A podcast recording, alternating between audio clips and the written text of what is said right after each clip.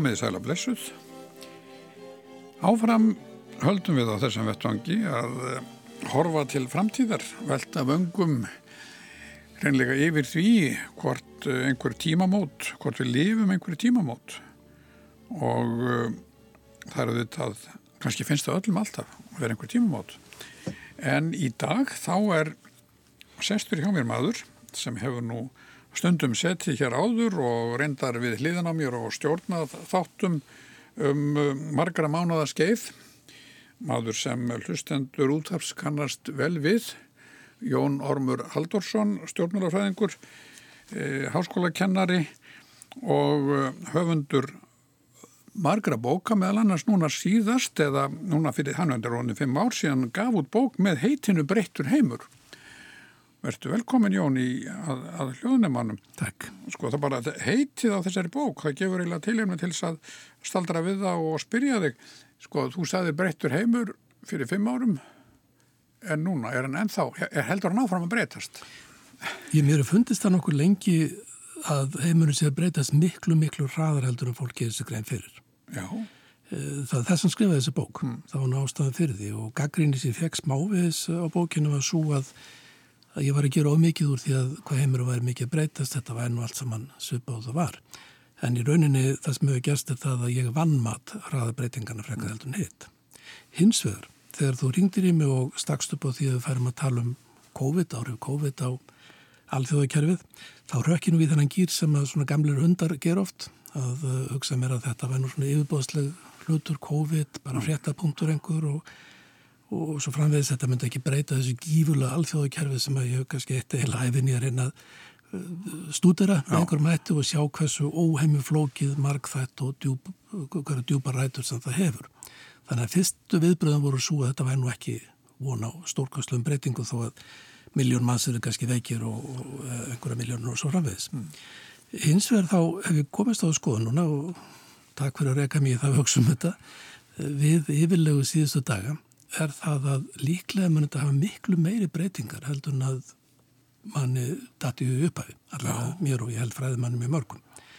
Þetta er líklega einn af þessum atbyrnum sem að mun hafa miklu meiri afleðingar heldur en að efni standa til hann hefði. Mm. Því að efnislega hefur ekki svo gífurlega mikið breyst. Það er verulega samdráttur í hækjærum nokkur landa, það hefur nú gæst áður, um, einna mestu samdráttur í hækjærum landa sem er til dæla mjög auðug og þetta er ekkert að borðið heimskreppur 1930 sem mennur samt alltaf að tala um, þá gengum miljónum manna hungraðir í borgum Vesturland og áttu hverju höðvísinu að halla.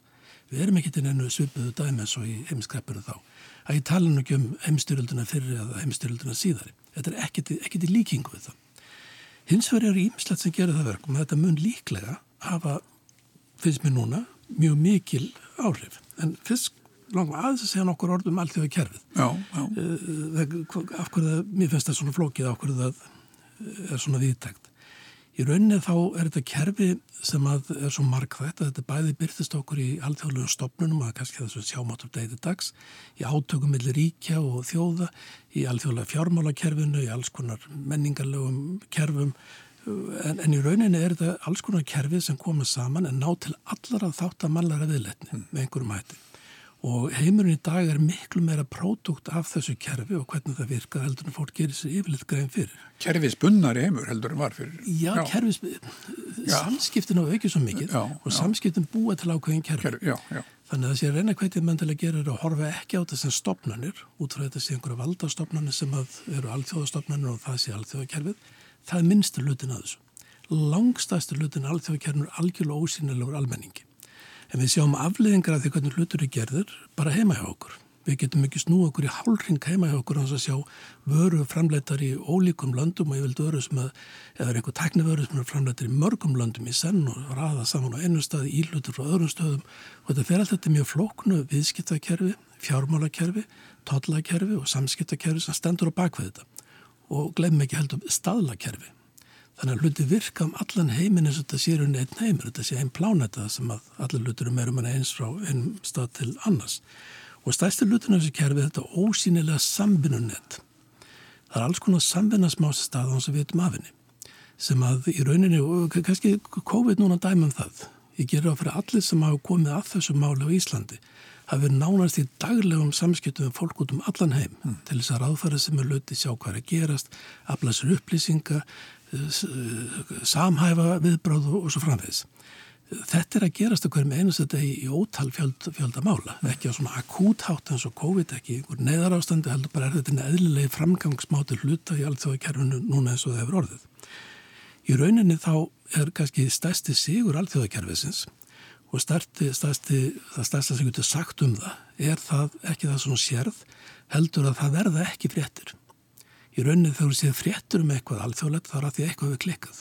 Það er eitthvað bilað, það er eitthvað núningur, einhver er að takast á. Langstæstu luti kerfis sem virkar frá degið dags eins og smörð vél mm. og óhemju fjöldhætt vél sem er að virka til þess að luti komast ekki fréttir. Mm. Það er engin frétt að luti gangi vel og þannig er þetta með heiminn að þegar maður ferðast um heiminn og Svo gæfið samra að fara nokkra hringi kringum nöttin og séð ólík samfélag sem í leiðin eru ótrúlega líka því leita til að það eru sömur hlutir sem virka á sama hátt og þau eru mótast orðið miklu meira frá árið til árs af hvert öðru heldur en gerðu áður. Þetta stóra kerfi held ég að það fór að hugsa um að myndi kannski ekki verið mikið snortið af, af hérna... Af COVID. Af COVID. Svo getum við líka hugsað með sko megin enginni alþjóðakerfisins að það er, það, það er ekkit valdiði og það er annar miskilningu sem ég held að sé vel til gangi varandi alþjóðakerfi það er ekkit miðstjórnavald það sem er að gerast í alþjóðakerfinu er það sem að ríki heims ákveða megi gerast í því hverju sinni. Það er engin stopnun sem er að segja mannum fyrir verkum. Þetta kom mjög skýrt í ljósvarandi SARS uh, veikina síðustu sem að herjaða okkur fugglaflensunar 2015 þegar til dæmis Indonesia, nei 2005 Indonesia sem að var eiginlega mitt land þá ég, Já, já, það sýnir sér sér Eittir mörgum árum í það og bjóð þar um tíma og skoðuði doktorsirkjum til land þannig að ég fyldist aldrei vel með þar. Og það fættist mér aldrei að dæmingjör viðbröðið með þegar að kemur veiki þessi fugglarflensa sem að leit út fyrir en tíma er miklu alvarlegri heldur nún varð. Indonesia brúðist hann við að neyta samfinn með annu ríkið á grundvelli fullveldis. Þar að þess að styrjun hafa fullveldi við sínu vírusum. Mm. Og yfir öllum viðbróðinu við þeim. Og svo er þetta ekki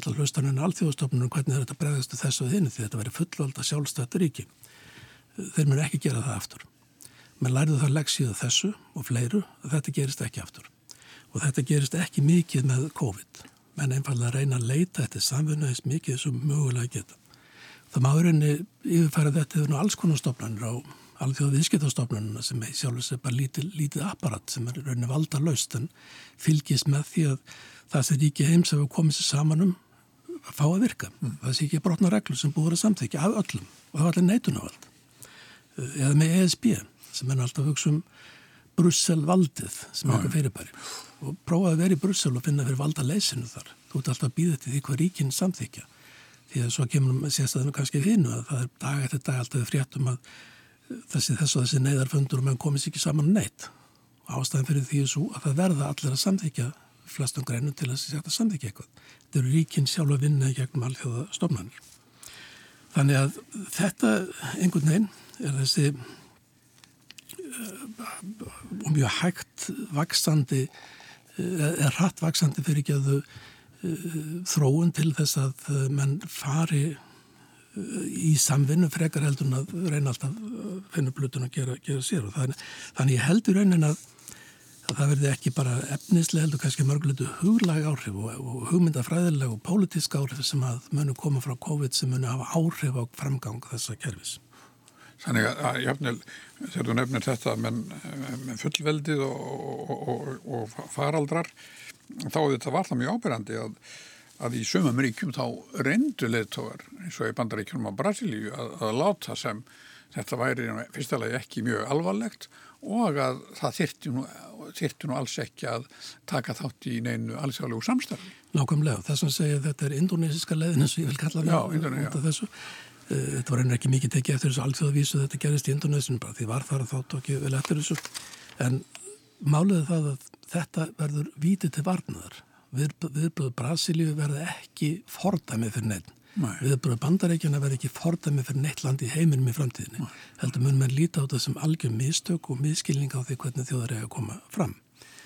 Það er, hérna, þetta er sko flokkat með ímsum hætti hverju þessi áhrif verða. Eitt er það að ég held að þetta munir hraða að sumuleiti þróun sem þegar var hafin og eitt af því gengur í burtu frá í rauninni alþjóðleiri, kannski alþjóðavæðingu. Ég held að þetta hægir til dæmis á heimsvæðingunni í viðskiptum. Þetta skiptir gífurlega máli, þetta hérna, ræður því rauninni hvernig atvinnlíf heimsins er byggt upp, hvar það er staðsett, hvernig menn búa til hluti, hvar það búa til og svo framvegis. Menn vilja færa þetta nær sér, hægt að treysta þess að flokkun og löngu aðfangakæðjur sem að, og svo þróum var hafin. Mm. Hún, hún hafin fyrir fimm árum síðan, minnstakosti. Þannig að ég hafði áður Trumpar fósetti var þetta að byrja þessi svona bakslagi þessa, þessa þróun en það mun hraðast en þá er að menna að hafa það líka í huga að þetta mun skipta miklu máli með hvað vara kostar. Vöru munu kosta meira heldur náður ef það eru ekki búin til með hagkomast að hætti og möguleika manna til að selja út um allan heim þegar minga ef það hægir á, á þessari heimsvæðingu. Annað er sem ég held að sé að gera sem var laungu-laungu byrjað að gerast og muni gerast mjög auknur raða og það er tiltölu nikknun á stöðu bandaríkjana sem leðtói í heiminum á eiginlega öllum sviðum og í rauninni tiltölu nikknum áhrifum vesturlanda í held í heiminum. En þetta er rauninni saga síðustu 20-30 ára og þetta er bara saga sem ég held að muni gerast, halda árum að gerast með miklu meiri raða heldur hún hefur verið á til, til þessa. Svo er kannski, kannski komum eitthvað litið betur af þessu en það er annað líka sem að er, er hugsanlegt að það verður hreinlega viðsnúningur á ímiskonum þróun sem eru átt sér stað á síðast árum. Þetta er svolítið meira spekulatíft og, og öruglega allt umdilt en mín niðurst það er svo og ég, ég veitir alls ekki einni því, þetta er ekki eins og ég sé að finna þetta upp sjálfur að það munum breytast við þetta, þetta munum áhrif til þess að breyta afstöðumanna til ríkisvalds og líka í leiðinni afstöðum manna til markaðsins og möguleika til að nýta markaðin og allir mögulegum sviðum til að leysa all mannleg vandamál. Mm. Ég held að semst, menn hafi komist að því að það skiptir gífuleg miklu máli að hafa ríki sem er stert, sem virkar, sem getur skipilagt þjóðfélag og í leiðinni þá geta menn komist að niðurstöðu að markaðurinn sé ekki endilega virka sem lausn í mörgum að stæstu vandamálu manngins og það er allt frá þessu COVID-málu núna, eh, hlínunar, heimsli, nattarætni hlínun, eh, ójöfnuði heiminum, alls konar hlutum sem við erum öll að glíma við allstára jörðinu sem markaður veist ekki vera besta leðin til þess að ráða við. Mm. Þannig ég held að þetta sé líka og svo kannski þrýðalagi á tegunda áhrifum er það að þetta er rosalega sterk áminning COVID mm. um það að öll stæstu vandamál mannkins að þau eru alþjóðlega vandamál. Þetta eru vandamál sem að verða engin landamæri. Þetta eru lofslagsmálinn. Mm. Þetta eru umhverfis eyðingum allan heiminn sem er ekki síðra vandamál þetta eru lofslagsmálinn sjálf. Þetta er alveg skelvilegt að fara um nöttin og horfa á jálu lofti hvernig skóum heimsins er gjör eitt og vatnið mengað og hvernig uh, náttúrun er, er á sífældur undanhaldi fyrir framrás mannsins. Og þessu ójöfnuði sem ennkennir meira meina öll samfélagi heimsins, að vísu vil ég segja, það er minni ójöfnur á milli einstaklega ríki heldur náðu var, fátakuríkin að hafa mörg hverjað, sérstaklega sem er ekki halvblá fátakust, eru komið miklu nær þeim er ríku heldur náðu var, en innan allara samfélagi heimsins á sama tíma, á áratuga tímabili, hefur ójöfnum stórkostlega vaksið og vaksið svo mikið að hann er nætt helsta vandamál heimsins. Mm. Þetta er allt sem að vandamál sem verður ekki leist en landamann eða ríkis verið sig. Mm og þetta held ég muni íta undir uh, alþjóðlega samvinnu frekar heldur en það sem mennur margir að segja núna að COVID verður til þess að menn drægi sig inn í skeli að það vilja loka sig af. Ég held að það sé bara ekki hægt. En ertu þá, Jón, að má ég, má ég skilja þetta þannig að þú sért að segja að sko heimskapitalismi þarf að segja nattræni, nattvæðing framleiðslu aflanna Eh, sem, sem sagt enga framtagsins í heiminum að svo nattvæðing sé kannski frek að með fara að setja spurningu við hana og að taka á sig auknar, aukinn kostnad sem kemur umhverfinu vel með því að framlega vöruna nær. En, en hins vegar sé eh, ríkisvaldið í eflist og samvinna ríkja, þjóðuríkið raunni sé ekki úreld heldur Eh, staðan fyrir að leiða til þjóðverðnis hyggju að þá, þá verði framtíðin allt svo ríkisvald sem sé í samvinnu við önnuríki og hugsanlega með eitthvað svona einhvern beisli á, á framlýsleflón. Já, þetta er mörgulegt að sé raun að segja. Það er, hérna, það er þetta varandi sko, sko ástæðan fyrir því að heimun hefur hort á meiri velmegun síðustu ár heldur nokkuð tíminn í sögunni. Mm. Breytingarna eru svo æfintirlega, ég held að fólk almennt tala að gera sér grein fyrir þeim. Að koma til Kína núna eða fyrir 30 árum, þetta er, þetta er ótrúlegt. Já, já. Það er saman að segja um hvert land eða öðru í Asíu. Og þetta er að byrja að gerast annar stað líka, hægar í Suður-Ameríku og svo frá þessum politíkinu og allt af eins og húnum og þar og hægar í Afriku og allt það. En, en líka innan Evrópu.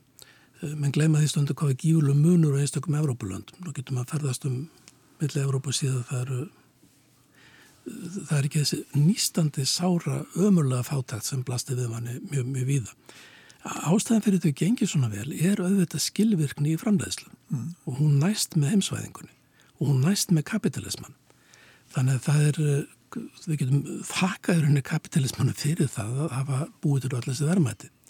Hann hefur eins og farið offari, mm. svo ekki sé meira sagt, gagvart umhverfinu og það er það sem henn er að rumska við núna. Hann hefur heldur ekki reynst heppilu við það skipulegja skiptingu gæðana innan samfélaga og uh, í rauninni erum komið aftur tilbaka þessari spurningum með það hvort það er markaður sem mótar þjóðlífið eða þjóðlífið sem mótar markaðin í sinni mynd. Já, já. Og þetta er spurning sem er standa meira og meira frammið fyrir.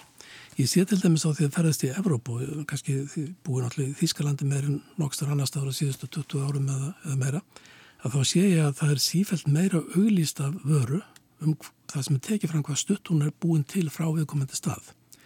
Það er þessi, þetta hugtak með það að þetta sé svæðisbundin vara já, já. og þetta sé bara búin til nálat okkur, þetta sé lokal hægkerfi og allt það. Og þetta, það er nú undan í ymsum hlutum, en þetta sé bara verið að gerast mjög víða annar stað og þetta held ég verið talsett uh, mikil þróun. En það sé ótaðist þegar COVID fór í gangverð að þetta myndi vera til þess að það myndi dragast í sig skil og neyta vinna saman. Ég held að það verði öfugt og það, það er svolítið erfitt að útskýra það en ég var svolítið flókimál en, en, en ég náðu kannski á endanum tilfinning fyrir eitthvað heldur nokkuð annað en ég sé ákveður auk fyrir því sem þegar enda fær og mun kannski halda áfram að, að hamra á Samverna sem í rauninni er ekki endi, byggist ekki innvörðungu á, mark, á, á markastengslum heldur? Nei, ég heldum byggist kannski frekar á, á sko síðust ár, við horfum á síðust ár nú fyrir alltaf úr einja Já, alltaf, já. En þá hefur einkjent stjórnmálu þróun, ekki bara Vesturlandum, heldur um allan heim, stóra ekki þjóðurnisikja og ekki populismi. Mm. Ef við horfum á hvernig þessum stefnum hefur reitt af að undanförnu, þá sjáum við að voru þeirri miklu áfalli. E, það komið alveg í ljós að markaðun á ekki svar við, og það var þegar komið ljós við, við allum málum sem ég var að benda á, en populismin enn síður. Það má kannski tala um þetta sem einhvers konar áminningu.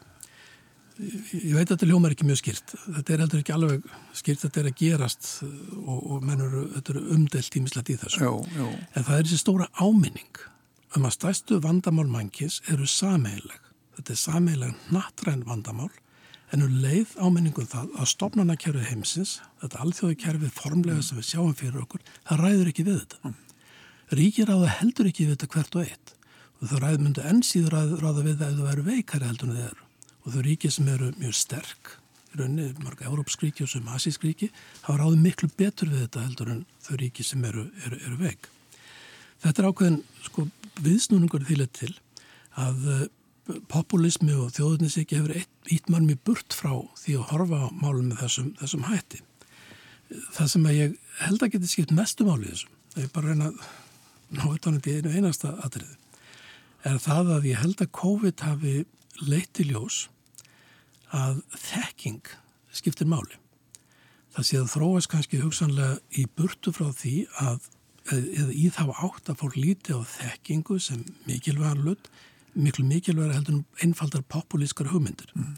Við sjáum Bandaríkin, Brasilju, Rúsland, Íran, Mexiko og fleiri ríki þess að viðbröðum við COVID hafa öll einkjænst af alls konar populískum yfirlýsingum, populískri uh, speki manna þar og orðið heiminum orðið allægum um allan heim og horfum á þetta annars vegar og hins vegar vísindarlega þekkingu hins vegar og þetta populíska bulli hinn átuna að þá hlýtur mannum við að ljóst að, að fræðileg þekking er ekki eitthvað elítuprógram. Þetta er ekki eitthvað sem bara einhver elítu í heiminum hefur til þess að kúa meira hluta almennings.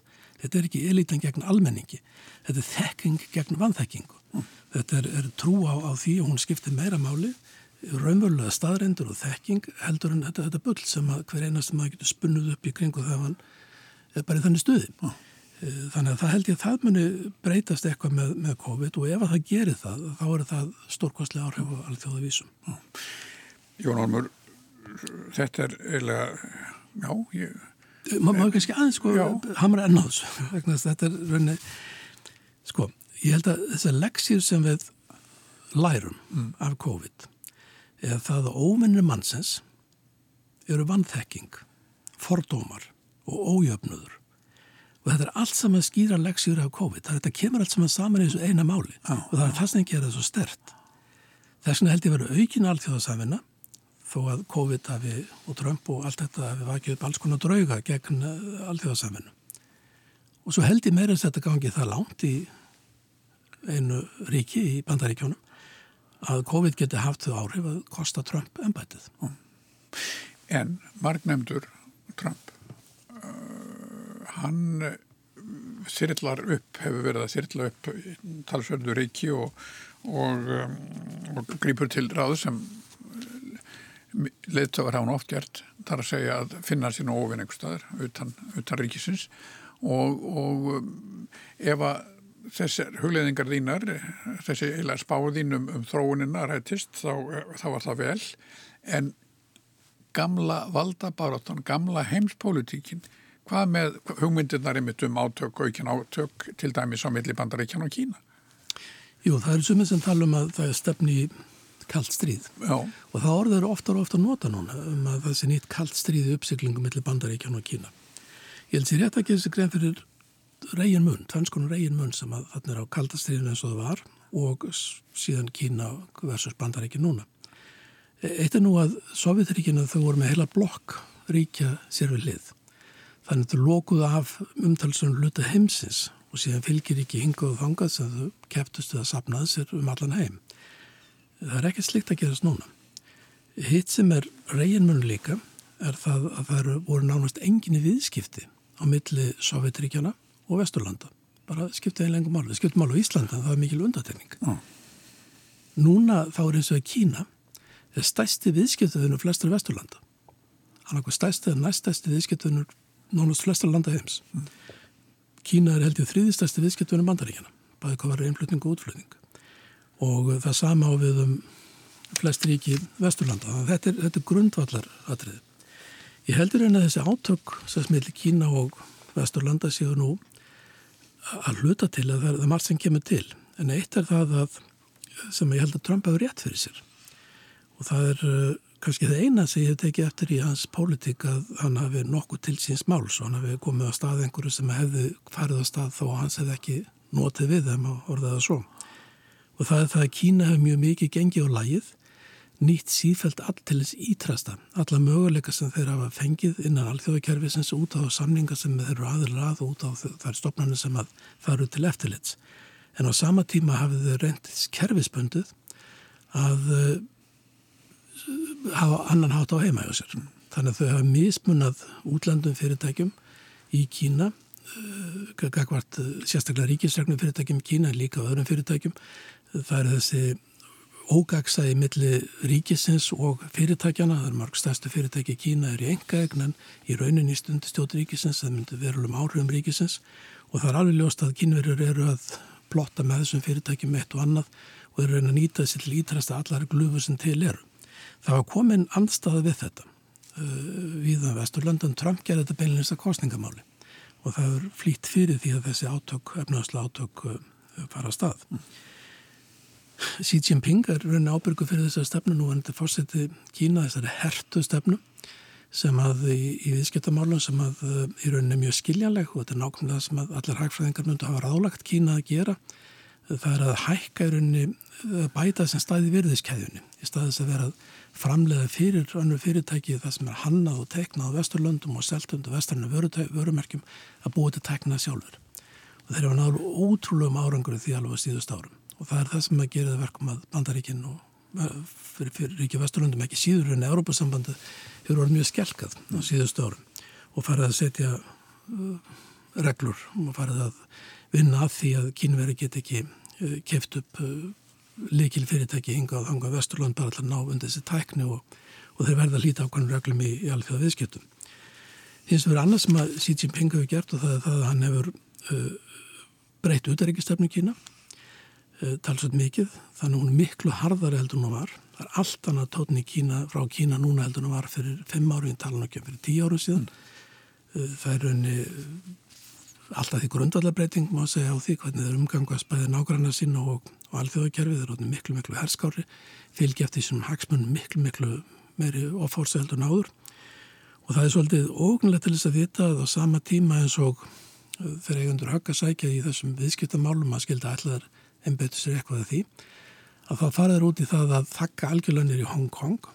Og ég veit ekki alveg hvað er að gerast það núna því að það kannski er rétt að ekki aðtikla því við erum að tala saman í byrjun júli en þetta er ekki útarpa finn í ágúst og ég veit að næstu vikur mun ímislegt gerast í Hong Kong sem mun vita betur heldur en ég veit núna vegna sem þeir hafi ekki gerst það. Á sama tíma eru þeir að þrýsta mjög mikið á nágrannu sinni í Suðustur Asi og Suður Kínahafi með uh, alls konar framkvæmdu þar og mjög mikil herrvæðingu þar og með leggjandi þessi eigjar þar og byggja flugveld og skerjum sem það eru ekkit lefi til að gera og, og svo framvegs. Og svo leggja þeir til allu við indverja líka. Þannig þetta er rauninni eitthvað sem ég held að komi nánast öllum áhuga, lang flestum áhuga mönnum um Kína eða fræðmönnum sem fjallaðan um Kína á óvart hvað þetta gengir hratt og hvað er að vera agressífur alveg núna síðustu misserinn. Og þetta er partur af sama dæmi, Xi Jinping er herrtök flokksnes innanlands, þannig að Kína er ekki núna það Kína sem það var fyrir þreymur, fjórum árum, það, það bara er, er veruleg breyting þar á. Þannig að það er raunni, ef þetta er að tala um kallstríðið við Kína, þá held ég að við verðum að kenna kínverjum um það meira heldur en bandaríkjónum. En það stundum sko það er stundum talað um uh, þar sé að einhvers konar færslu frá uh, vesturlöndum þessum, þessum uh, þessu heimsvæði okkar sem við lítum á sem fórustu svæðu og höfum gert núna lengi og þú, þú sagði ráðan að hugsanlega færi áhrif Vesturlanda mingandi en er, er einhver breyting er, er sko sem er hafa talað játtinn sko um, um öld Asíu þar að segja að það sé að ekki bara í efnagslegu tilliti heldur, heldur í einhvers slags um, pólitísku menningarlegu bara íla á öllum sviðum. Já það er þetta er náttúrulega búið að tala um núna í einhver ára tugi um öld Asíu það er ástæðu fyrir því Náttúrulega fyrsta megin ástæðan fyrir því að svo meira luti mannkinn spyr í Asju. Þannig er 60% allar íbúið í jarðarinn að búa í Asju. Þannig raunin er, er restinu heiminum með jæðarsvæð og Asju er, er, er aðalatrið. Eh, annað er að eh, mest vaksandi efnahagsveldi heimsins er langflest í Asju. En annað er að risaríki heimsins eru öll í Asju sem er að eh, eflast mjög mikið. Þannig ég held að sé algjörlega ljóst að, að þessu öll sem við lifum núna verður öll einhverju söpum skilningi og síðastu öll var öll Bandaríkjana og 19. öllin öll Breitlands eða Evrópi við takara skilningi eða Breitlands og Fraklands kannski já, já. þannig að það held ég sjálfur ljóst að það er ekki út af þessi eitthvað samsar í gangi í Asíu og það sem enn kannski glemur alltaf mikið með Asíu er það að þetta er algjörlega ósamstað heimsálfa Evrópa bara er eins og, eins og hér að samstað hér að við liðin á Asíu þannig að munun á milli Spánar og Finnlands hann er engin með munun á milli sem Japan og Íran eða eitthvað, eitthvað þess að það eru gerólík menningarsvæði, gerólík efnagasvæði, gerólík saga og rauninni ofta til þeim lítil samskiptasaga. Þannig að Asið er bara þetta er risastóra fyrirbærið sem rauninni er fyrst og náttúrulega landfræðilega eining hver ekkar heldur, heldur nokkuð annað og þegar við tölum alltaf Asið þá held ég sér betra að halda að það er kannski landfræðilega skilning á því heldur en það sé eitthvað sér Asíst. Hafandi eins og að sagt það, þá er það alveg ljóst að, að Kína er þetta rúfúrslega örtvaksandi stórveldi heimsins. Og það eitt og sér gerir það verkum að sjónun beinusnundaldi mikið til Asju og svo megum en heldur ekki gleyma Indlandi, þarna við hliðina sem er að verða fjálmennur en Kína. Það eru hugsanaldi indverðu sínu og þegar orðin fjálmennur en Kína og ef þeir eru ekki orðin það þá verður það alveg á næstu árum. Ég stundum bent á þá hliðstæðið að hlutfallega, hlut, sem hlutfalla íbúum heimsins eru kynverjar og indverjar jafn margir eins og reykvíkingar eru svona hlutfallega íbúum Íslands. Það, það er ekkert að skilja Ísland á þess að skilja Reykjavík. Þannig að það er heldur ekki að skilja heiminn að skilja Índland og Kína. Og þetta raungerist meir og meir eftir því sem að heimsvæðingin gengur fram og allt verður opnar og samskiptið meiri og þessi tvö rísaríkið þróast bæði efnaðslega, menningarlega og pólitist og, og það er heima meður munu landa í miklum átökum. Það er eins og rétt að hafa í huga sko að því að tölum mikið um Kína að, að, og þú nefnir á, á þetta svona Vesturland séu kannski að svolítið útleiði völdum í heiminum að þess að möguleika sem opnast fyrir Kína uh, við brott hvarf bandaríkjana úr jáfnvel alþjóðastofnum eða úr alþjóðakerfinu eða hvernig það mingað áhrif sín að kínverðir hafi ekki notað þetta til þess að taka yfir stopnarnakerfi heimsins þeir eru miklu frekar reynd að nota ástandi til að reysa skorður við því að alþjóðastofnarnir hafið þau áhrif sem það hafa haft vegna þess að megin atriði í hugsun kínverja er fullveldið það er að Kín, Kína eigi ekki að þurfa að hlusta og skoðanir annar um neitt sem var þar innanlandsmáli Kína. Það er algjört, þetta er biblíðan þeirra algjörlega frá, frá ATZ-u. Það hefur engin rétt til að skipta sér að málefnum annars ríkis og þeir þannig ekkert ríki hefur nokkur einasta rétt til að segja kynverum eitt, eitt eða annað um hvað þeir gera á, í sínu heimalandi. Þannig rauninni er þetta tilhörni kynveri að, nýta sér brottkvarf eða, eða mingandi vægi bandaríkjana til þessi raunin að draga enn úr mm. öllu sem hægt er að kalla þá einhvers konar alþjóðlegt eh, vald.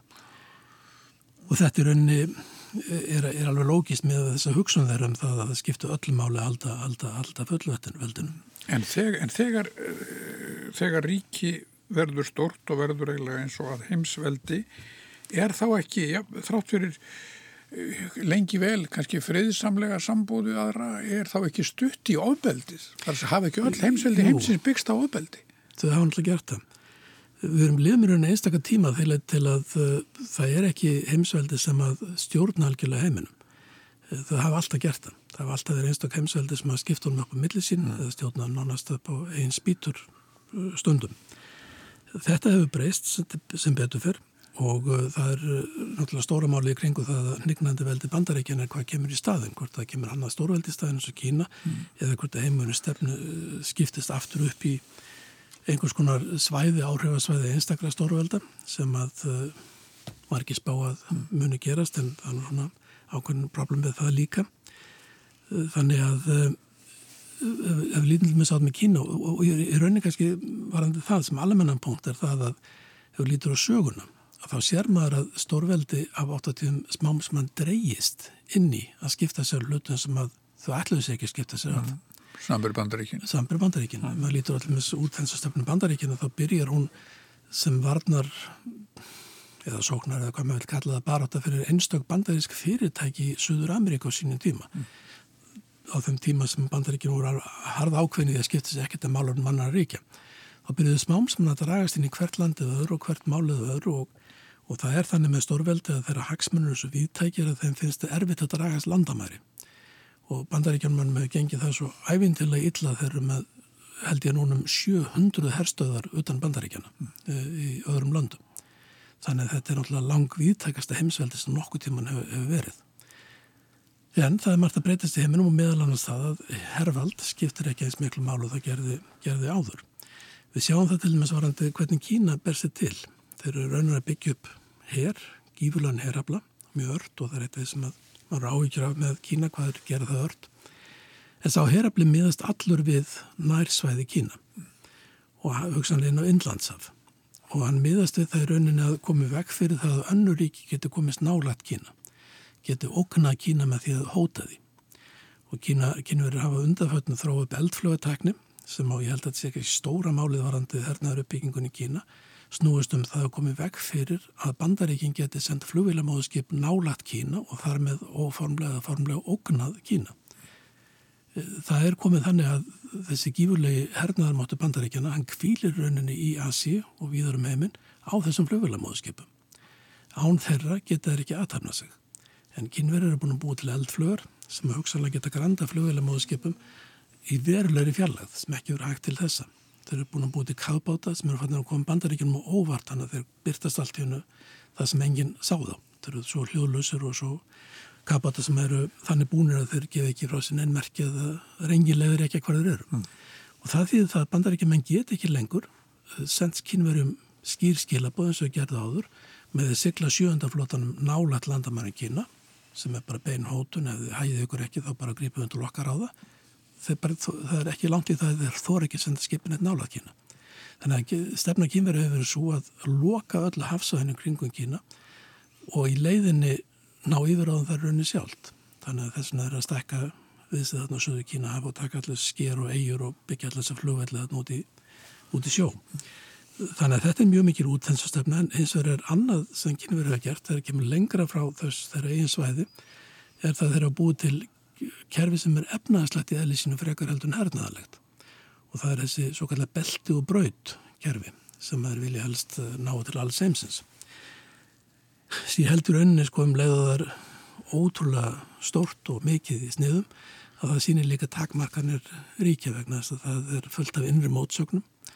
Það eru alls konar hlutir í því sem benda til sem er ganga ítla upp. Það er hérna margt vanhugsað í því það er margt sem að eh, eiginlega reyku sig að hvaða annars hortni því þannig að þeim gengur ekki sérstaklega vel með það mál og uh, nokkur ríki eins og orðið fyrir kannski barðin á því með því að taka mikið að lánum frá þeim sem er gert að verkum að, að kynveri hafa geta eh, eiga alls kostar við mm. viðkomandi ríki mm. en, en hafandi sagt að það hafa kynveri raun að líka farið inn á Inlandsaf eru byggja flótahöfn í Godar í Pakistan réttu minni persaflóum og þeir eiga orðið aðgangu höfn í Sri Lanka í Hambandóta sem er byggt bæði flugvelli og, og hafnir. Þannig að það er svona en ef maður ber þetta eins og saman með 700 herstöða bandaríkjan átum allan heiminn, þá er þetta raunin afskaplega lítið. Ég, af því að við okkur verður eðlilega til rétt um Kína en, en við sem erum alveg upp í kaldastuðinu uh, ég segna ekki að við söknum söknum þess að, að minnast ekki á, á rúsa en en galvarski maðurinn þar ræður ríkjum sumum finnst nú eins og þar sé einhverjir tilburður í gangi til eða tilkall þess að vera nú áfram svolítið stórveldi ja, Putin Já, það er mörgulegt til sorgarsaga þetta hvernig samskipti Vesturlanda og rúsa hafa þróast. Og oftast er náttúrulega rúsum kent langmest um þar og auðvelt því að það er einræðsar en líður þessi ekki Vesturlöndum og, og svo framvegis það þarf eins og tvo til og ég held að það hefur gerðið gífurlega mistök uh, frá hendi Vesturlanda í samskiptum við, við Rúsland. Pútin hann í rauninni hefur allan tíma verið reynað staðsetja Rúsland eða gera Rúsland að heimsveld upp og nýtt. Ó, ó. Uh, hann og menni kringum hann hafa aldrei geta sætt sig við það að Rúsland í rauninni sem kjarnir Sovjetríkjana fer úr því að verða annað risaveldi heimsins yfir það verið svæðisbundu stórveldi. Mm. Þannig hann er með skipulagt afskipti af, og mjög dýr afskipti af málefnum Sýrlands og Líbi og, og fleiri, fleiri ríkja og reynda að gera sér gildandi sem víðar og það verður að segja sem svo er hún með gengið það nokkuð vel. Nefnum að þetta verið mjög kostnaðasamt en hann hefur haft verulega áhrif og uh, líklega ráðu úrslutum í Sýrlandi til dæmis. Kanski ekki andur þetta góðs en enga síður gert það verkum að, að menn verðað menn get ekki lengur sem að sest niður og ákveða hvað gerast í með Östurlundum og taka Rúsland algjörlega með reyningin og það saman í Norður Afríku, Líbíu og, og víður. Þannig að hann hefur spilað sín spil nokkuð vel en hann er gert það taktíst. Þannig að hann hefur fundið glöfur, fundið möguleika og stokkið á það. Það verðist ekki verið langtíma strategi á baku þetta. Því þar komum við öðrum máli sem er raunnið sem að ræður úslitum í þessum og það er það að rúsneska efnaðarslífið, rúsneska efnaðarskerfið það er miklu menn, minna heldur en menn getur ímyndað sér. Ég ger að fyrir að koma flestum á óvart ef ég segi, frá því að allt rúsneska efnaðarslífið, efnaðarshækkerur Rúslands, að það er líklega íðin minna heldur en hækkerur Suðu Kóru. Já. Og Suðu Kóru er land sem er minna flatamáli heldur en Ísland og byggt færra fólk heldur en Spán. Rúsneska hækjörfið er svipað og ívið starra kannski heldur en hækjörfið spánar. Og, og þannig getum við haldið árum að uh, nefna lönd sem að hérna, uh, eru greinilega ekki lönd sem gætu með nokkur móti stað undir heimsveldi. Mm. Þetta er nokkur mjög hugað að Suðu Kóruði geti stað undir nattarannu heimsveldi. Eða spán geti gert það. eða Mexiko sem er annar ríki sem er lítið minna efnaðslega heldur en Rúsland. Rúsland já. Það er gessam út í höfð og þess vegna er lík út í höfð með Rúsland. Rúsland hefur ekki efnað þessu. Á tíma Pútín svo hefur hægkerfi heldur ekki þróast til þeirra áttar að verða sveianlegra eða breyðara eða uh, hátæknivættara nema litluleiti uh, heldur er það mjög mikið bundið ráefna útflutningur ráefna vinslu sem gerir hægkerfið mjög ósveianlegt og, og hérna vanþróað og er ekki líklega til þess að auka uh, mjög mikið velsælt þar til lengri tíma. Þannig að þetta er stóru vekkurinn sem Putin lendir á Þannig að mér sýnist í sumulitu að hans er komin í ákveðna gildru með þetta. Hann komist ekki út úr þessari svona stefnum að gera Rúslanda heimsveldi. Uh, hann get ekki hætti mm. heimsvöldu vegna en hafi hins vegar engin efni á því. Ég held hins vegar sjálfur að þetta sé sorgarsaga ekki síðu fyrir Evrópu heldur en fyrir Rúsland. Uh, mín eigin skoðun er svo að Evrópa get ekki verið heil án Rúslands. Mm. Það er auðvitað að sjá þetta menningarlega ef við hugsaum evrópska menningu þá rúsnesk menning er ekki eitthvað hlýðar fyrir bæri, ekki eitthvað sem er svona út á kantinu sem er evróst og ekki evróst og svo rafins. Þetta er parturna hjartan í evrópska menningu. Ah. Rúsland eh, þjóðferðislega, hugmyndalega og menningarlega og allt þetta skiptir Evrópi gífulega miklu máli.